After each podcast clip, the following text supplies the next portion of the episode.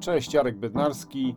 Zapraszam Cię do kolejnego odcinka podcastu Nie sprzedawaj, pomóż kupować. Dzisiaj porozmawiamy sobie o procesach decyzyjnych. Stojąc kiedyś w kolejce do kasy w jednym z marketów, obserwowałem dwóch nastolatków dyskutujących o tym, jak to ludzie dają się naiwnie naciągać różnym firmom, które stosują przeróżne socjotechniki. Mówili o tym, jak bardzo ludzie są naiwni i jak to oni, ci dwaj nastolatkowie, na te techniki w ogóle nie są podatni, nie ruszają ich one. Byłem naprawdę zaskoczony ich wiedzą i słownictwem, którego używali. Ucieszyło mnie to, że mamy coraz bardziej świadomą młodzież. Jednak w pewnej chwili zauważyłem, że jeden z nich wyjmował z koszyka zakupy. O dziwo były tam cztery paczki chipsów, jakieś batony czekoladowe i kilka gazowanych napojów znanej amerykańskiej marki. Miałem ochotę zapytać ich, dlaczego kupują właśnie takie produkty, skoro przecież odporni są na wszelkiego rodzaju socjotechniki. Ale pomyślałem, że odpuszczę, zrezygnuję, bo i tak zapewne są przekonani, że ich wybór podyktowany jest tym, że te rzeczy im po prostu smakują, a nie wpływem, jak to nazywali, socjotechnik na ich decyzje. No tak, przecież smak jest obiektywny i żadne socjotechniki stosowane przez producentów nie mają wpływu na jego odczuwanie, prawda? Jednak rzeczywistość jest często inna.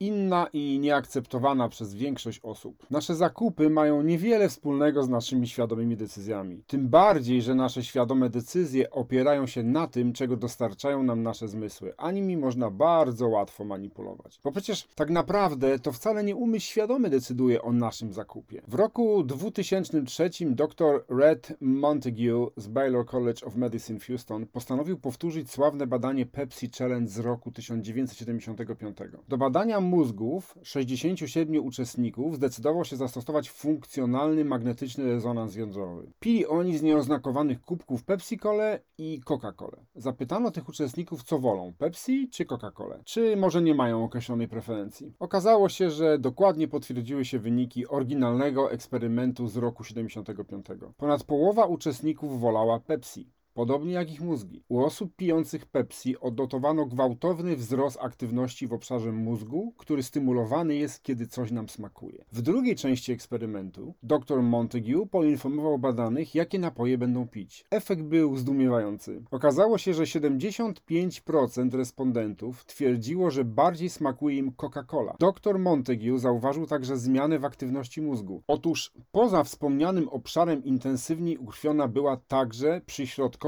kora przedczołowa, czyli obszar odpowiedzialny za myślenie wyższe i zdolność rozróżniania. Wyglądało więc na to, że w mózgu miała miejsce walka pomiędzy myśleniem racjonalnym i emocjonalnym. Efekt? Emocje przezwyciężyły racjonalny wybór Pepsi i Coca-Cola zwyciężyła. Pomyśl, co brzmi lepiej? Kupiłem nowy samochód, czy sprzedali mi nowy samochód? Odpowiedź jest oczywista. W pierwszym przypadku mamy do czynienia z akcją ze strony klienta, czyli z jego aktywnością. W drugim z poddaniem się pewnemu procesowi, czyli z biernością. Właśnie tak, uwielbiamy kupować, a nie lubimy, jak ktoś nam coś sprzedaje. Dlatego, jeżeli pragniesz komuś coś sprzedać, licz się z trudnościami. Jeżeli pomożesz komuś coś kupić, przygotuj się na sukces. Przestań sprzedawać pomóż ludziom kupować. Dlatego tym, co dla Ciebie najważniejsze, oprócz tych kwestii, o których rozmawialiśmy w siedmiu poprzednich odcinkach, tym, co najważniejsze dla Ciebie w procesie sprzedaży jest opanowanie umiejętności pomagania ludziom w kupowaniu produktów lub usług, które oferujesz. Pytanie, jak to robić? Zastanówmy się przez chwilę, skąd biorą się decyzje. Dlaczego w pewnych sytuacjach decydujemy się na zakup, a w innych nie? Czy są jakieś czynniki, które mają wpływ na nasze decyzje? Na początek przyjrzyjmy się temu, czym kierujemy się dokonując zakupu. W dzisiejszych czasach mówienie o tym, że coś kupujemy z chęci zaspokojenia jakiejś potrzeby jest truizmem. Jednak to, skąd biorą się te potrzeby i jak nimi zarządzać, wymaga głębszej analizy. Potrzeby mamy wszyscy, jednak zaspokajamy je w różny sposób. Dlaczego tak się dzieje? Trudno nie zauważyć, że tak naprawdę wszyscy pragniemy tylko jednego. Tym czymś jest zmiana tego, jak się czujemy. Dlaczego dążymy do posiadania większej ilości pieniędzy lub rozbudowy majątku? Czy tylko dla samego faktu posiadania? Czy poszukujemy lepszej i wygodniejszej pracy tylko po to, aby ją zmienić? Czy zakładamy firmę dla posiadania firmy, czy po to, żeby coś konkretnego zyskać? Nieważne, co to jest. I tak, jeżeli zaczniemy się nad tym głębiej zastanawiać i rozpatrywać wszystkie za i przeciw, dojdziemy do wniosku, że powodem naszych działań jest chęć zmiany tego, jak się czujemy. Chcemy albo przestać czuć się źle, albo zacząć czuć się lepiej. Jednak najczęściej ludzie w ogóle nie zdają sobie sprawy z tego, że istnieje w ogóle taki mechanizm. Dlatego często podczas szkoleń zadaję uczestnikom pytanie: Co ostatnio kupiliście? Pomińmy takie tradycyjne produkty pierwszej potrzeby, jak bułki, mleko, czy jakieś tam inne produkty. Oczywiście wywiązują się wtedy różne rozmowy, ale gdybym tak miał sobie przypomnieć jakąś przykładową, to wygląda mniej więcej tak. Pytam uczestnika, co ostatnio kupiłeś? On odpowiada, kupiłem ostatnio telewizor taki wielki, 4K 75-calowy. Ja się pytam, dlaczego? On odpowiada, bo chciałem mieć lepszy telewizor. Ale dlaczego akurat taki? Bo taki mi się podobał i akurat była dobra promocja. Podobał ci się? Czy nadal ci się podoba? No jasne. I co ci daje to, że patrzysz na niego i ci się podoba? No jak to co odpowiada? Ładnie wygląda w domu, ma świetny obraz 4K, no i wiesz, no 75 cali. Pytam dalej, i co ci to daje? On odpowiada, no jak to co? Przyjemność. Pytam, przyjemność? No tak, odpowiada, przyjemność. Czuję się lepiej, kiedy siadam sobie wieczorem przed telewizorem, otwieram piwo. I tak jest zazwyczaj za każdym razem. Treść rozmowy może być różna, jednak efekt zawsze jest taki sam. Jeżeli będziemy wystarczająco długo pytać się ludzi, dlaczego czegoś pragną lub dlaczego coś robią, to prędzej czy później zawsze usłyszymy. Bo sprawia mi to przyjemność, bo dzięki temu czuję się lepiej, bo przestałem się męczyć, bo wreszcie jest mi lżej i tym podobne. Naszym życiem kierują dwie potężne siły: unikanie bólu i dążenie do przyjemności. Te dwie siły działają na nasze emocje, a emocje wpływają na nasze życie.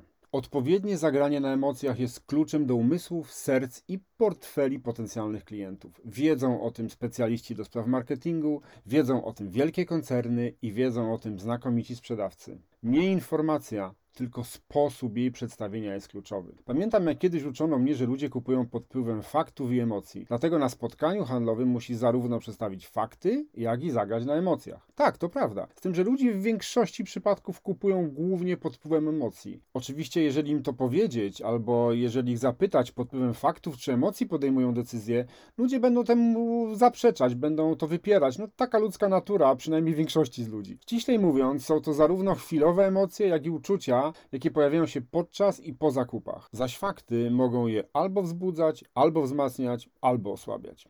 Za naszymi decyzjami stoją emocje, uczucia, które są mniej lub bardziej skrywane. I najczęściej to one właśnie podejmują za nas decyzje. Postaraj się wzbudzać w ludziach emocje, a zobaczysz, że chętnie zaczną kupować. Jednak, żeby pojawiły się emocje, musi być ich powód. Powodem tym jest potrzeba. Był początek maja. Siedziałem w parku niedaleko ulicy. Zapach bzów przywoływał wspomnienia dziecięcych lat. Słuchałem śpiewu ptaków, rozgrzewałem swoje kości w promieniach słońca. Było przyjemnie. Nagle do moich uszu dobiegł narastający ryk silnika. Niedaleko, może jakieś kilkadziesiąt metrów ode mnie przejeżdżał motocyklista. Silnik tak ryczał, że miałem wrażenie, iż za chwilę wypadnie na asfalt. Miałem ochotę wyskoczyć na ulicę i coś temu człowiekowi zrobić. I jak tak można? Co to za gość, pomyślałem. Mój wypoczynek się skończył. Czekałem z utęsknieniem na wiosnę i lato, a właśnie sobie uświadomiłem, że lato to nie tylko słońce i ciepło, to także motory. Wszędobylskie, ryczące, tak ryczące, że można w jednej chwili zwariować. Dlaczego nikt z tym nic nie zrobi? Czy inni ludzie muszą słuchać tego huku? Jak można tak bezmyślnie się zachowywać? Jak można jeździć czymś, co tak potwornie ryczy? Że ten człowiek jest sam na świecie? Przecież jeszcze są inni ludzie, którzy chcą odpoczywać, relaksować się, mają inne potrzeby. Kiedy kilka lat temu podczas audycji radiowej użyłem stwierdzenia, że wszyscy mamy te same potrzeby, doktorka, która prowadziła wtedy ze mną wywiad, oburzyła się i powiedziała: Jak to te same potrzeby? Przecież każdy z nas ma inne. Czy na pewno? Czy siedząc w parku, grzejąc się w słońcu, słuchając śpiewu ptaków i wąchając bzy, zaspokajałem faktycznie inną potrzebę niż ów motocyklista, który przejeżdżał obok ulicą? W moim mniemaniu to, co ja robiłem, było lepsze, przyjemniejsze i bardziej ludzkie niż to, co robił ów człowiek na motocyklu. Na pewno? Otóż najciekawsze jest to, że zaspokajaliśmy dokładnie te same potrzeby, ponieważ mamy je takie same. Z tą jedyną różnicą, że robiliśmy to w różny sposób. Nie tylko teoria, ale także codzienna obserwacja pokazują, że każdy z nas, pomimo dużej różnorodności charakterów, doświadczeń, przekonań i wartości, ma takie same potrzeby. Jakie zatem one są? Analizując wszystkie znane teorie psychologiczne i badania, a także konsultując się z nauczycielami akademickimi, znanymi trenerami, doszedłem do wniosku, że skoro wszyscy ludzie mają te same potrzeby i dążą do ich realizacji, to być może tutaj kryje się jeszcze jedno źródło naszego poczucia spełnienia w życiu. Zatem niezaspokojenie potrzeby może mieć wpływ na motywację. także tę zakupową. Potrzeba jest to stan, w którym człowiek uświadamia sobie, że czegoś mu brakuje. Potrzeby są wspólne wszystkim ludziom, niezależnie od tego, czy żyją obok nas, czy na innym kontynencie. Czy zamieszkiwali nasz kraj lub inny kraj przed wiekami, zamieszkują teraz, czy będą zamieszkiwać za kilkadziesiąt czy za sto lat. Potrzeby te są identyczne zarówno pod względem jakościowym, jak i ilościowym. Niezaspokojona potrzeba sprawia, że człowiek nie może wykorzystywać swoich zdolności, działać, rozwijać się, a czasami wręcz normalnie funkcjonować. Dlatego, kiedy nie udaje się nam zaspokoić jakiejś potrzeby, pojawia się stan napięcia, napięcia, które musi zostać rozładowane. Lubię obserwować, kiedy w mediach występują przedstawiciele różnych firm, opowiadając w jaki sposób i jak bardzo ich firma jest zaangażowana w zaspokajanie potrzeb swoich klientów. Jak tworzone są produkty i usługi, których celem jest zaspokajanie istniejących lub wręcz rosnących potrzeb klientów. Co sprawia, że mamy tak wiele potrzeb? I faktycznie te potrzeby rosną? Pamiętam początki lat 90., kiedy pojawiły się w Polsce pierwsze telefony komórkowe. Pewnego dnia, był to rok 1994, żartowaliśmy w firmie z naszego prezesa, ponieważ zostawiając u blacharza swojego Mercedesa, musiał jeździć firmowym maluchem. Przewoził w nim ogromny telefon komórkowy, którego wartość prawie dwukrotnie przekraczała wartość tego malucha. Czy to nie dziwne, że przedtem nikt nie potrzebował tak drogich urządzeń do komunikacji? Później przyszedł listopad 1996 roku, kiedy w Polsce rozpoczął swoją działalność pierwszy operator telefonii komórkowej, tak zwanego GSM. Od tego czasu przez kolejne lata dynamicznie rozwijał się rynek usług telefonii komórkowej. Teraz trudno jest naprawdę spotkać kogoś, kto nie ma smartfona. Wszyscy mamy potrzebę jego posiadania, prawda? Mało tego, nie możemy już korzystać z klasycznych telefonów komórkowych typu bar z wyświetlaczami monochromatycznymi. Dzisiaj telefon to jednocześnie wysokiej klasy aparat fotograficzny, kamera, dyktafon, odtwarzacz muzyczny, czytnik e-booków, urządzenie do płatności zbliżeniowych, a smartwatche?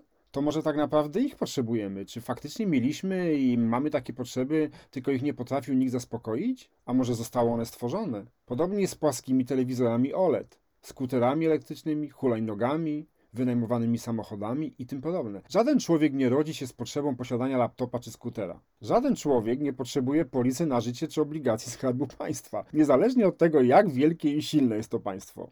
Żaden człowiek nie ma potrzeby spożywania pizzy na grubym cieście z potrójnym serem, czy picia słodzonych i sztucznie barwionych napojów gazowanych. Potrzeby te są nienaturalne, są wytworami cywilizacji, są wytworami polityki marketingowej firm. Kiedy podczas wywiadów i szkoleń mówię, że wszyscy ludzie mają takie same potrzeby, spotykam się albo ze zdziwieniem, albo z protestem, albo z krytyką, albo z tymi trzema rzeczami naraz. Chociaż faktycznie wydawać by się mogło, że tak nie jest. Jednak prawda jest taka, że wszyscy ludzie mają pięć tych samych głównych potrzeb. To, co nas między sobą różni, to nie potrzeby, ale sposób ich zaspokajania, sposób ich realizacji. Potrzeby te istnieją niezależnie od szerokości, długości geograficznej czy wysokości nad poziomem morza. Poznanie i zrozumienie tych głównych potrzeb sprawia, że niezależnie od tego, jaki produkt czy usługę sprzedajesz, potrafisz wzbudzić chęć ich posiadania. Przyjrzyjmy się zatem bliżej tym potrzebom i temu, dlaczego ich zaspokojenie w procesie sprzedaży jest, a raczej może być tak ważne. Pewność.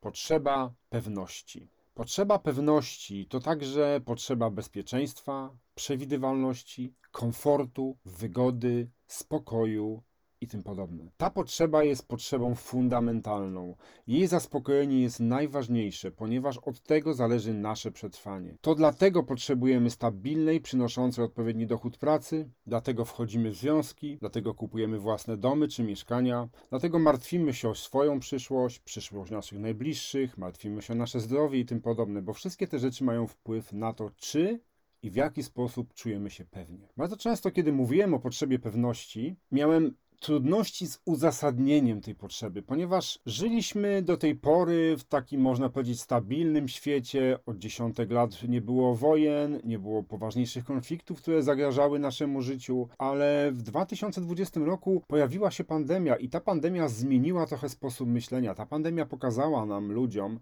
jak ważna jednak jest ta potrzeba pewności to, żebyśmy mieli tę pewność w naszym życiu. Kiedy media przekazywały i wciąż przekazują masę negatywnych informacji na temat ilości zachorowań, na temat ilości osób, które zmarły, na temat różnych powikłań, które występują po chorobie, na temat różnych powikłań, które potencjalne nawet mogą wystąpić po dawce szczepionki. Ludzie zaczynają się bać, ludzie czują niepewność i żyjemy tak już od ponad roku. I właśnie ta sytuacja pokazuje, jak nie w pełni zaspokojona potrzeba pewności wpływa na nasze życie, na nasze postrzeganie rzeczywistości, na naszą motywację i na nasze decyzje. Jednak niezależnie od tego, czy istnieje pandemia, czy nie istnieje pandemia, i tak nie do końca możemy być pewni wielu rzeczy. Nie możemy być pewni partnerów, nie możemy być pewni tego, jakie decyzje rząd podejmie, nie możemy być pewni tego, co producenci zrobią, bo raz na jakiś czas dowiadujemy się na przykład o jakichś aferach, dowiadujemy się o tym, że produkty, które spożywamy, były zatrute jakimiś bakteriami czy jakimiś pestycydami w związku z czym nie do końca czujemy się pewnie. Wiemy, że niektóre samochody, niektórych marek nie do końca mogą być tymi, które możemy obdarzyć zaufaniem, dlatego wciąż poszukujemy czegoś, co może nam dać poczucie kontroli, pewności, przewidywalności. Wciąż wierzymy marce, mimo że ta marka, która kiedyś znaczyła wysoką jakość i niezawodność, nie do końca dzisiaj to oferuje. Mamy tendencję do ufania krajom, w których dane urządzenia są produkowane. Made in Japan wciąż działa na nas jak magnes, a Made in China budzi niechęć. Chociaż pamiętam czasy, kiedy Made in Germany znaczyło wysoką jakość, a Made in Japan niską. W 2008 roku Made in Korea budziło niechęć, jednak dzisiaj w roku 2021 sytuacja się zmieniła. Dzisiaj nie sposób nie zauważyć pięknego samochodu Kia Stinger, za kierownicą którego siadają chętnie młodzi ludzie i to ludzie, którzy kiedyś kupowali sportowe samochody produkcji włoskiej lub niemieckiej. A co z jakością? Czy ktoś jeszcze uważa, że Made in Korea oznacza niską jakość? Raczej nie. Wiele lat temu w jednej ze swoich książek pisałem, cytuję: Jestem przekonany, że za kilka lat Made in Korea będzie nie tylko kojarzyło się z wysoką jakością, ale także z prestiżem. A przecież w procesie decyzyjnym niezmiernie ważne jest poczucie klienta, że zakup, którego dokona, nie tylko nie będzie sprawiał mu kłopotów, ale także będzie dla niego powodem do dumy. I tak się stało. Kolejny przykład to firmy chińskie wciąż jeszcze można usłyszeć stwierdzenie chińszczyzna, które ma deprecjonować produkty wyprodukowane w tym kraju. Jednak padają już one z ust osób, których opinie nie są brane pod uwagę przez poważne osoby. Za kilka, być może kilkanaście lat, kiedy gospodarka chińska będzie największą gospodarką światową, a tak się stanie na pewno, spojrzymy na Chiny zupełnie z innej perspektywy. Zupełnie inaczej będziemy traktować chińskie produkty. Ten sam mechanizm działa w stosunku do ciebie osobie, która sprzedaje dany produkt lub daną usługę. Ty także chcesz mieć poczucie tego, że to, co oferujesz, jest dobre, że firma, w której pracujesz lub z którą współpracujesz, daje ci poczucie stabilności zatrudnienia i zarobków. Dlatego zacznij od siebie. Czy miejsce, w którym pracujesz i to, co oferujesz, dają ci poczucie pewności? Jeżeli nie, Twoi potencjalni klienci to wyczują. A jeżeli tak się stanie, poczują się niepewnie. Wtedy zaś prawdopodobieństwo tego, że zdecydują się na zakup, spadnie. Dlaczego? Otóż klient podejmując decyzję o zakupie, zaspokaja swoją potrzebę pewności w ramach trzech obszarów.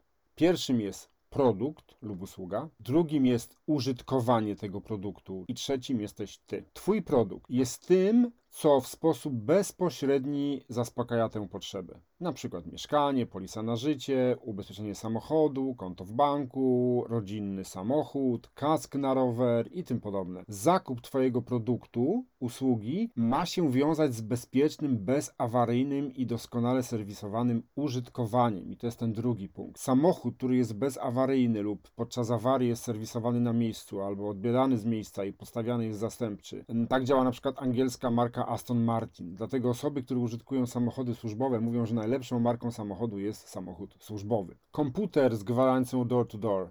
Ubezpieczenie, które w przypadku zdarzenia daje gwarancję natychmiastowej wypłaty odszkodowania, nie za miesiąc, nie za dwa, nie po odwołaniu się, nie po straszeniu sądami, niezależnie od przepisów ustawy. Wszyscy wiemy, że nikogo nie obchodzą przepisy ustawy, jeśli miało się wypadek, z całym szacunkiem dla polskiego prawa. Konto w banku, w którym nie ma niespodziewanych awarii w ciągu dnia, awarii, o których nie informuje się odpowiednio wcześniej klienta stojącego na stacji benzynowej i nie mogącego zapłacić za paliwo, a spieszącego się na drugi kraniec kraju. Mieszkanie, którego kwestie prawne są jasne lub którego ściany nie zaczynają pękać po roku użytkowania. I trzecie ty, czyli to, kim ty jesteś. Czy sam używasz tego, co oferujesz? Czy masz przekonanie do tego, co oferujesz? Jeżeli sprzedajesz polisy na życie, czy sam masz polisę w tym samym towarzystwie? Jeżeli dotyczy to mieszkania, czy potrafisz uzasadnić klientowi, dlaczego pracujesz właśnie u tego dewelopera albo w tej agencji? Oferujesz klientowi konto w banku. Czy także masz konto w tym banku? Jakimi doświadczeniami możesz się podzielić z klientem w tym zakresie? Jesteś maklerem?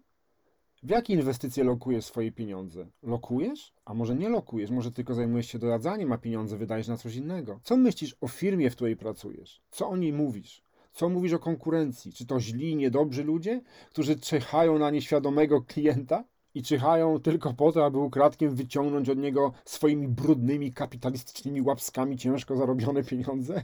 Czy może traktujesz konkurencję jak partnerów, dzięki którym rozwija się rynek, rozwijasz się ty, a klient może mieć coraz lepszą jakość obsługi? A jakie relacje budujesz z klientem? Jak go traktujesz? Jak się zachowujesz? Jaką masz postawę? Jak reagujesz na jego oczekiwania? Jak radzisz sobie z jego wątpliwościami? Czy mniej lub bardziej jawnie ignorujesz je? Czy starasz się za wszelką cenę sprzedać? Czy jesteś wyrozumiały i starasz się wszystko spokojnie wytłumaczyć i rozwiać jego wątpliwości? A może zostawiasz go z problemem, kiedy po dokonaniu zakupu coś się stanie i będzie potrzebował Twojej pomocy?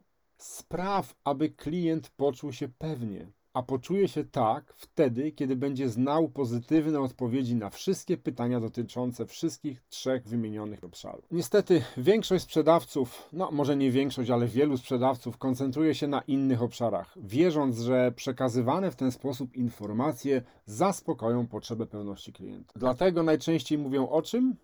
O wieloletniej tradycji, o wynikach testów, o kapitałach, o liczbie sprzedawanych sztuk rocznie, miesięcznie czy wzroście obrotów, liczbie zatrudnionych, profesjonalizmie sprzedawców, otwartości na potrzeby klientów i tym podobne. Kiedyś, gdy byłem agentem, rozmawiałem z klientem, chcąc przekonać go do tego, że warto się ubezpieczyć w towarzystwie, którego byłem przedstawicielem. Zacząłem więc opowiadać, jak wielką firmę reprezentuję. Powiedziałem, że mamy ogromny kapitał, że jest to międzynarodowy koncern, który ma oddziały w kilkudziesięciu krajach, zatrudnia setki tysięcy ludzi, a mój klient tak spokojnie na mnie spojrzał po tym, co powiedziałem i powiedział, i co z tego?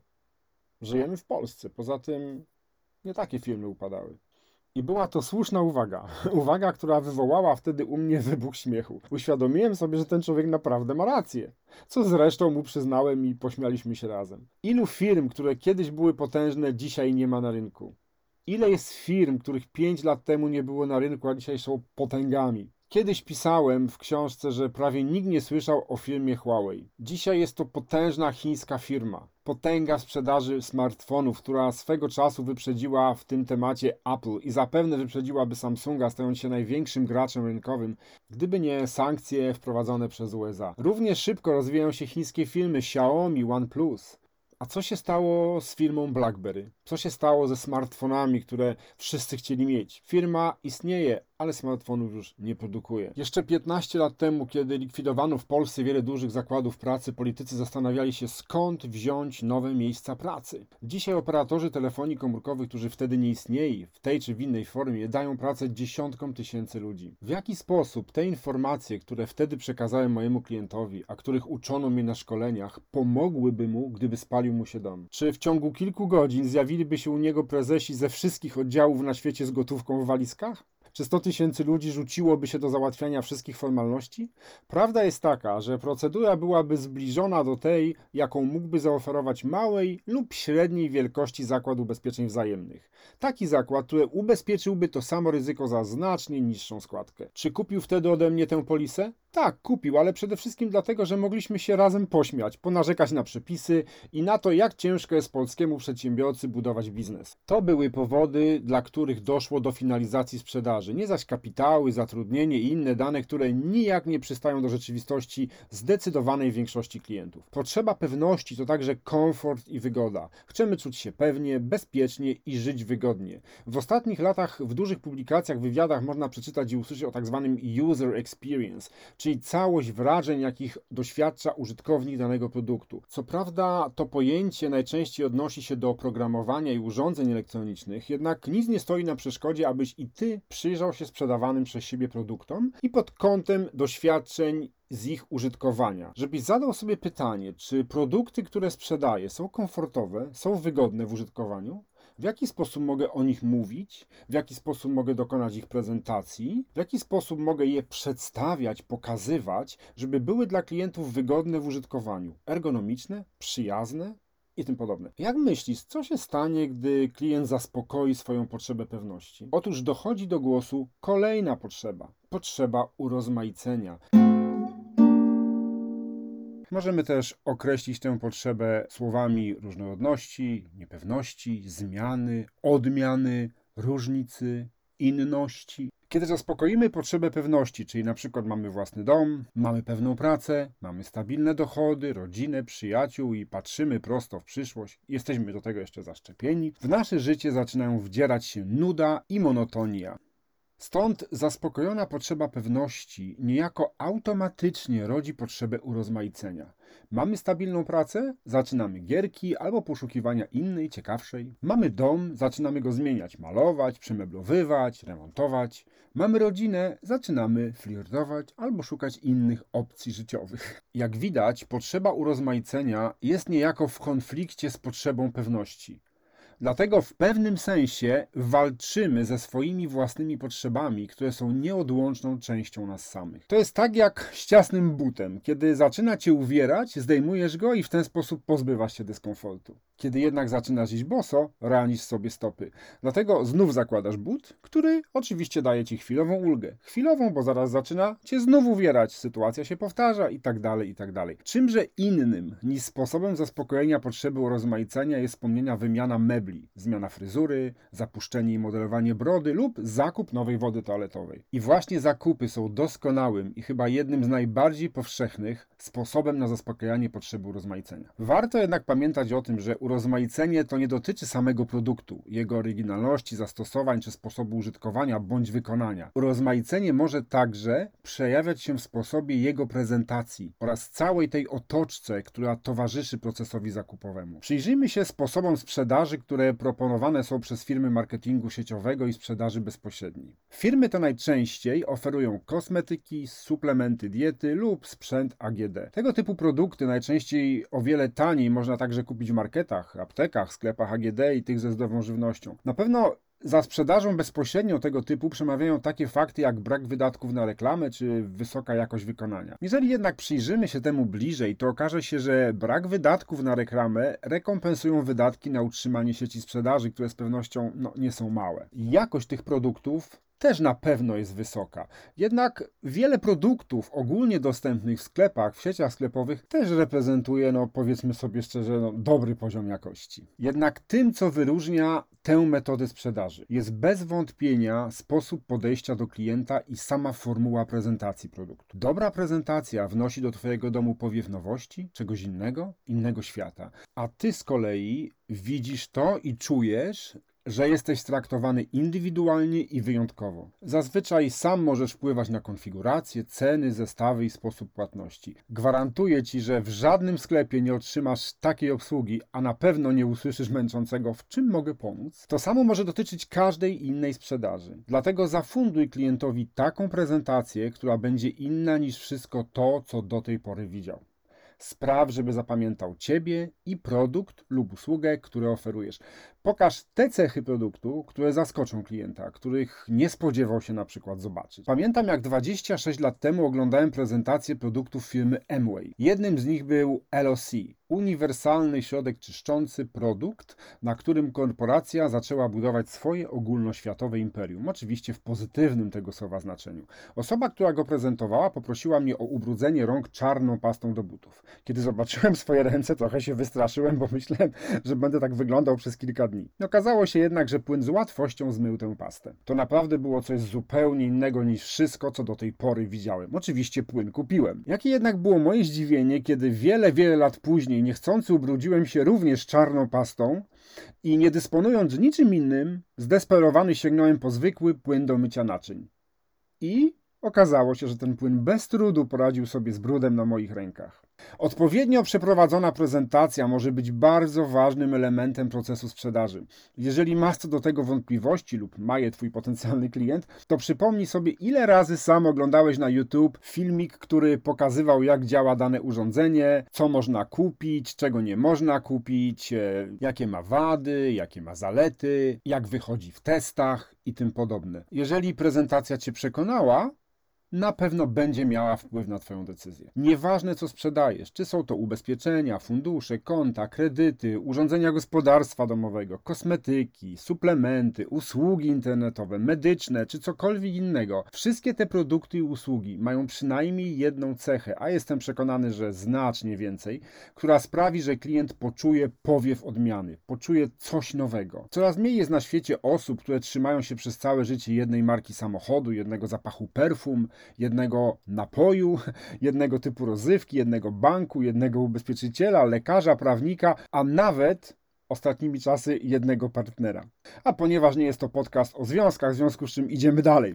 W każdym razie jest ich na tyle mało, że gdyby firmy skierowały swoją ofertę tylko do nich, to z całą pewnością szybko by zbankrutowały. Uwielbiamy zmiany, urozmaicenia, nowości. Wykorzystaj to w swojej pracy. Pamiętaj jednak, że nie tylko cechy produktu się liczą, ale także ty jesteś motorem sprzedaży. Dokonaj takich zabiegów, które sprawią, że dla klienta już sam fakt rozmowy z tobą będzie urozmaiceniem monotonii typowych zakupów. Szczegółowo przyjrzymy się temu jeszcze, kiedy będziemy mówili w dalszych częściach podcastu, w dalszych odcinkach o metodach prowadzenia rozmów handlowych. Uznanie. Potrzeba uznania. Panie Arku, niech pan jakoś przemówi tym moim handlowcom do głowy, żeby budowali dobre i długotrwałe relacje z klientami. To przecież podstawa sprzedaży.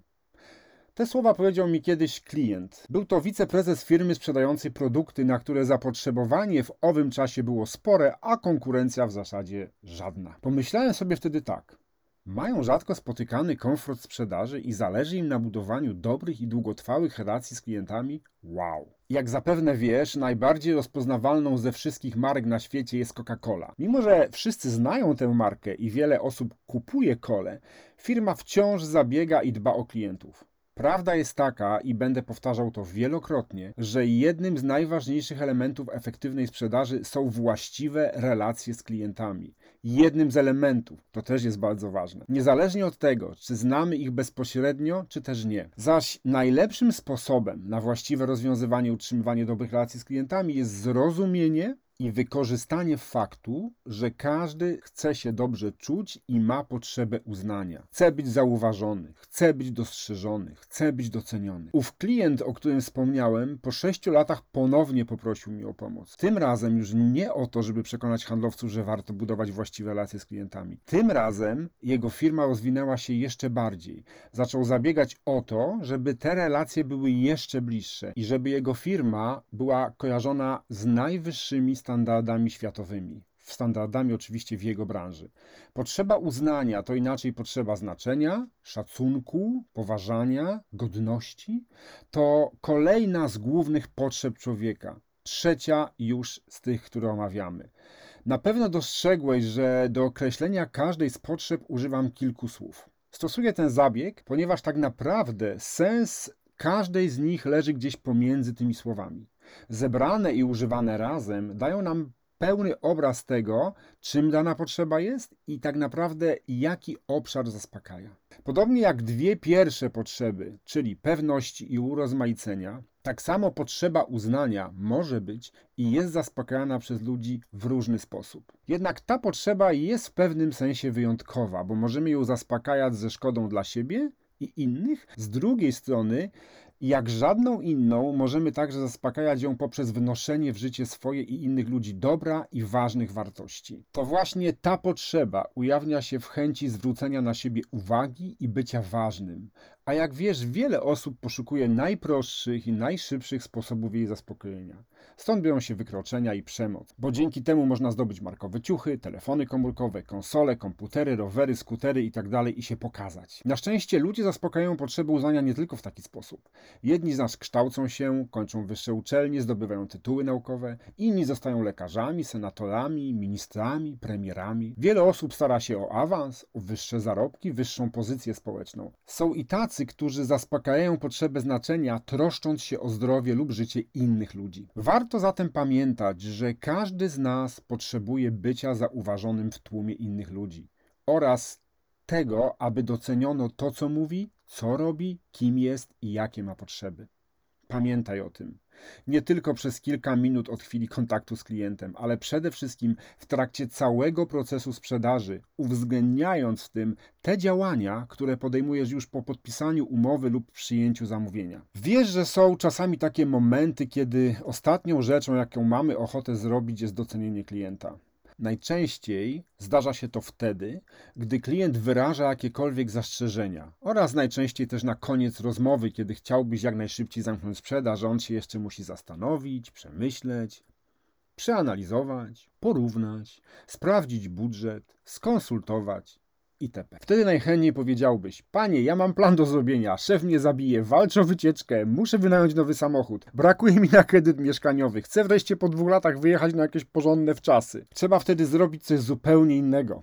Docenić to, co mówi, docenić jego wątpliwości i zrozumieć go. Gdy klient stwierdzi, sytuacja w gospodarce jest niepewna, możesz powiedzieć: Widzę, że bardzo dobrze orientuje się pan w ekonomii. Albo teraz nie warto inwestować w takie rzeczy. Skomentuj, mądra uwaga. Nigdy nie rozbiłem samochodu i nie będę raczej potrzebował AC. Powiedz, to znakomicie, bardzo dobrze. Rzadko spotyka się tak dobrze jeżdżących kierowców. Używam kosmetyków firmy X i jestem zadowolona. Powiedz, nie dziwię się, to naprawdę znakomita firma. Dokonała pani naprawdę dobrego wyboru. Ktoś na przykład może powiedzieć, gotujemy w sposób tradycyjny, czyli zdrowy, dlatego to nie jest dla nas. Doceń tę wypowiedź, powiedz. To ważne, aby dbać o zdrowie i tradycje, prawda? Kiedy klient mówi, muszę się jeszcze nad tym zastanowić, powiedz bardzo słusznie, bo to jest ważna decyzja. Kiedy powie, muszę to skonsultować ze znajomym, wyraź opinię, to bardzo roztropne podejście. Kiedy usłyszysz, sam staram się pozycjonować swoją stronę, powiedz, podziwiam, to niełatwe zadanie, szczególnie przy obecnych algorytmach Google. Zauważ, że dokonujesz bardzo prostego zabiegu. Nie kłócisz się, nie argumentujesz, tylko doceniasz klienta i zgadzasz się z tym, co mówi. Doceniasz klienta za to, co powiedział, co robi, kim jest, jakie ma poglądy, jakie ma opinie, jakie ma przekonania, jaki system wartości. Oczywiście, jeżeli mówimy o zastrzeżeniach, to te krótkie stwierdzenia nic nie oddalą. Trzeba rozwiać wątpliwości klienta, a przynajmniej zrobić coś w tym kierunku. Dlatego po każdym zdaniu zostawiłem domyślny wielokropek. Podczas jednego ze szkoleń, kiedy omawiałem ten temat, spotkałem się z następującą reakcją jednego z uczestników. Przecież to jest manipulacja. Jak mam się zgodzić z klientem, skoro faktycznie się z nim nie zgadzam? Uważam, że teraz jest najlepszy czas na zakup reklamy, a on po prostu tego nie wie. Dlatego moim obowiązkiem jest poinformowanie go o tym, a nie zgadzanie się z jego opinią. Moja sprzedaż ma być etyczna. Hm. Jak się domyślasz, moja reakcja była następująca. Dobrze, że o tym mówisz, to słuszna uwaga. Cieszę się, że podchodzisz do swojej pracy etycznie, bo każdy tak powinien robić. Jednak zastanówmy się nad tym przykładem. Gdybym zadał Ci teraz odważne pytanie, na które musiałbyś jednocześnie odpowiedzieć, czyje wartości i przekonania są właściwe? Twoje czy moje? Co byś odpowiedział? Każdy z nas ma własne opinie, przekonania i wartości, i nimi kieruje się w życiu w mniejszym lub większym stopniu. Kiedy ktoś wyraża je w danej sytuacji społecznej, a wystarczą do tego dwie osoby, to uważa, że są one słuszne, ponieważ inaczej by ich nie wyrażał. Skoro zatem klient uważa, że sytuacja w gospodarce lub na giełdzie jest niepewna albo wręcz zła, to według niego tak jest. Polemizowanie z nim do niczego cię nie doprowadzi. Jeżeli uważa, że warto skonsultować się z inną osobą, to też chce przez to coś pokazać. Dlatego to, co w pierwszym odruchu wydaje się nieuczciwe lub niewłaściwe, czyli docenienie jego i tego, co mówi, jest zachowaniem jak najbardziej odpowiednim. A to, że nawykowo, zwyczajowo nie komunikujemy się w ten sposób, tylko przerzucamy się w zwykłej, codziennej rozmowie argumentami, niczego nie zmienia. Wróćmy zatem do tych poprzednich przykładów. Czy faktycznie wszyscy klienci wiedzą, co dzieje się w gospodarce i czy rzeczywiście ich wiedza, której źródłem najczęściej są media, jest prawdziwa? Czy wszyscy chronią swoje imię tak, jak powinni? Czy gotowanie w sposób tradycyjny jest faktycznie zdrowe? Czy ich znajomi lekarze mają wystarczającą wiedzę o obszarze, na którym działa Twoja firma? Czy osoba, która prowadzi własny biznes, wie dokładnie, jak pozycjonować stronę przy takich zmianach algorytmów jak obecnie? Doskonale wiemy, że odpowiedzi na te pytania brzmią nie. Jednakże polemizowanie z klientem nic ci nie da a przynajmniej nie zaraz po tym, jak klient wyrazi swoją opinię. Dlatego przede wszystkim pokaż, że doceniasz to, co on powiedział, ponieważ ma prawo do wyrażania swoich opinii na podstawie informacji i doświadczeń, jakie posiada. Oczywiście Później przystąpisz do rozmowy, w której oddalisz jego zastrzeżenia i przekonasz go do tego, a podpisał z tobą umowę, jednak teraz skup się na tym, żeby docenić jego opinię. To wszystko. Potrzeba czwarta. Potrzeba przynależności. Identycznie jak w przypadku poprzednich trzech potrzeb, tak i w tym przypadku nie wystarczy jedno określenie przynależność. Ta potrzeba to także potrzeba związków, miłości, przyjaźni, bliskich relacji z innymi ludźmi i tym podobne. Podobnie jak miało to miejsce w przypadku potrzeby pewności i urozmaicenia, tak samo w przypadku potrzeby uznania i przynależności istnieje pewna sprzeczność. Ponieważ Koncentrowanie się na zaspokajaniu potrzeby bycia innym, szczególnym lub ważnym sprawia, że wielu znanych ludzi ma utrudnione funkcjonowanie w społeczeństwie. Stąd prędzej czy później, kiedy potrzeba uznania zostaje zaspokojona, pojawia się pustka. Dlatego potrzebę tę zaspokajamy wchodząc w relacje z innymi ludźmi. Budujemy przyjaźnie, wychowujemy dzieci, widujemy się z rodziną, tworzymy intymne związki, uprawiamy seks, modlimy się do Boga i tak. Niektórzy ludzie zaspokajają tę potrzebę kupując psy, koty, hodując rośliny, przyłączając się do klubu, stowarzyszeń, partii, związków i tym podobne. Potrzebę tę możemy także zaspokajać uczestnicząc w imprezach, przyjęciach, chodząc na koncerty, do klubów, do teatru lub nawet czytając książki. Czy kupowanie może zatem tę potrzebę zaspokoić? Jak najbardziej. Najlepiej widać to w internecie. Użytkownicy marki Volvo, Audi, BMW i innych mają własne fora, społeczności i serwisy. Należą do klubów, organizacji, które niejednokrotnie jednoczą użytkowników na całym świecie. Kupując Mercedesa, stajesz się członkiem nieformalnego, ale przez wszystkich akceptowanego prestiżowego klubu użytkowników samochodów tej marki. Kupując na święta Coca-Colę, łączysz się z milionami ludzi na świecie, którzy w tych dniach będą pili dokładnie ten sam napój. Napój, którego picie stało się nową świąteczną tradycją, zastępującą skutecznie tradycję picia kompotu z suszonych owoców. Kupując dziecku wymarzoną konsolę do gry PlayStation, sprawia, że staje się członkiem społeczności użytkowników tej konsoli. Przekazując swoje pieniądze do funduszy inwestycyjnych, staje się jednym z tych, którzy właściwie zarządzają swoimi środkami i są świadomi potrzeby dbania o przyszłość swoją i najbliższych. Kupując buty Brooks lub Mizuno i używając ich w bieganiu, stajesz się członkiem rodziny prawdziwych biegaczy. Przykłady moglibyśmy mnożyć. Zadaj sobie teraz pytanie, w jaki sposób Twój produkt lub usługa może sprawić, że klient poczuje się członkiem jakiejś społeczności. Tutaj na pewno większe znaczenie niż w przypadku potrzeby pewności będzie miał fakt, że miliony osób na całym świecie regularnie używają na przykład suplementów, odkurzają mieszkania, gotują na parze, ubezpieczają się, inwestują w dany fundusz, pozycjonują swoją stronę itd. Tak Innymi ważnymi informacjami mogą być te, że na przykład Polacy to naród, który naprawdę zaczyna dbać o swoje zdrowie i życie. Wykształcone kobiety używają kosmetyków marki X, członkowie zarządów kupują polisy, społeczność wegetarian i vegan przyrasta w ogromnym tempie. Jak podaje na przykład The Human Society of United States, amerykańska organizacja walcząca o prawa zwierząt, od 2007 roku każdego roku zabijanych jest o 500 milionów zwierząt mniej, tylko dlatego, że ludzie zaczęli jeść mniej mięsa i że wzrosła świadomość konsumpcji produktów pochodzenia zwierzęcego, a ściśle mówiąc kosztów, jakie wszyscy za to płacimy. Zastanów Zastanów się nad tym. Jeżeli teraz masz możliwość, weź kartkę papieru i coś do pisania i napisz kilka własnych pomysłów na to, w jaki sposób ktoś, stając się Twoim klientem, może zaspokoić potrzebę przynależności. Zakup danego produktu lub usługi sprawia, że bardziej zbliżamy się do innych ludzi. Możemy z nimi być nawet wtedy, kiedy nasza obecność fizyczna jest niemożliwa. Przykłady możemy mnożyć. Obrączki ślubne, listy, rozmowy telefoniczne, SMS-y, różnego rodzaju komunikatory, Skype'y, Microsofty Teamsy, Cisco Webex i tak dalej, serwisy społecznościowe, karty klubowe i tym podobne. Ostatnią, piątą potrzebą jest potrzeba rozwoju. To także potrzeba samorealizacji i spełnienia. To także ta potrzeba wnoszenia jakiejś wartości nie tylko w własne życie, ale także w życie innych osób, dzięki którym rozwija się nie tylko ty, ale także inni. Świat został tak zaprogramowany, że wszystko, co żyje, musi wzrastać i rozwijać się albo przepadać i ginąć. Nasiona, które znajdą sprzyjający grunt i warunki atmosferyczne, zaczynają się rozwijać.